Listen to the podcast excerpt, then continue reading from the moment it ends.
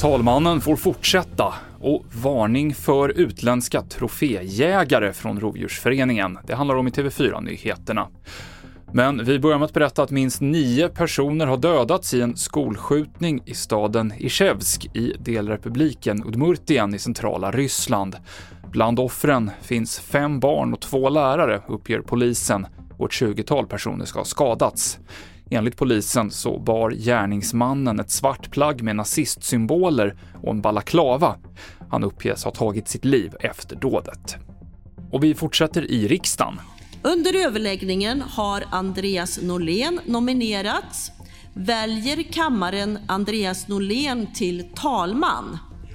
Svaret är ja.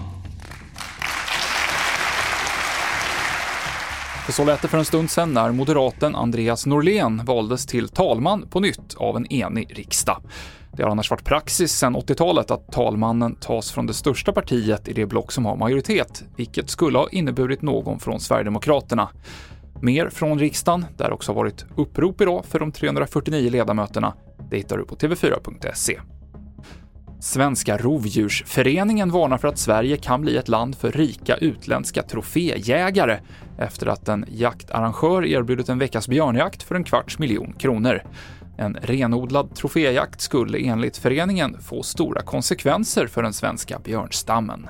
Det felaktiga med det hela är att det är ekonomiska intressen och jaktintressen som helt och hållet styr hur många björnar som skjuts. Det, man tar inte hänsyn till naturen och andra intresseområden. Vi jobbar ju vidare med politikerna i Sverige och lyssnar inte politikerna i Sverige på det som sker så kommer vi gå vidare till EU med de här frågorna. Sa Magnus Orrebrant, ordförande i Svenska Rovdjursföreningen. Jag heter Mikael Klintevall.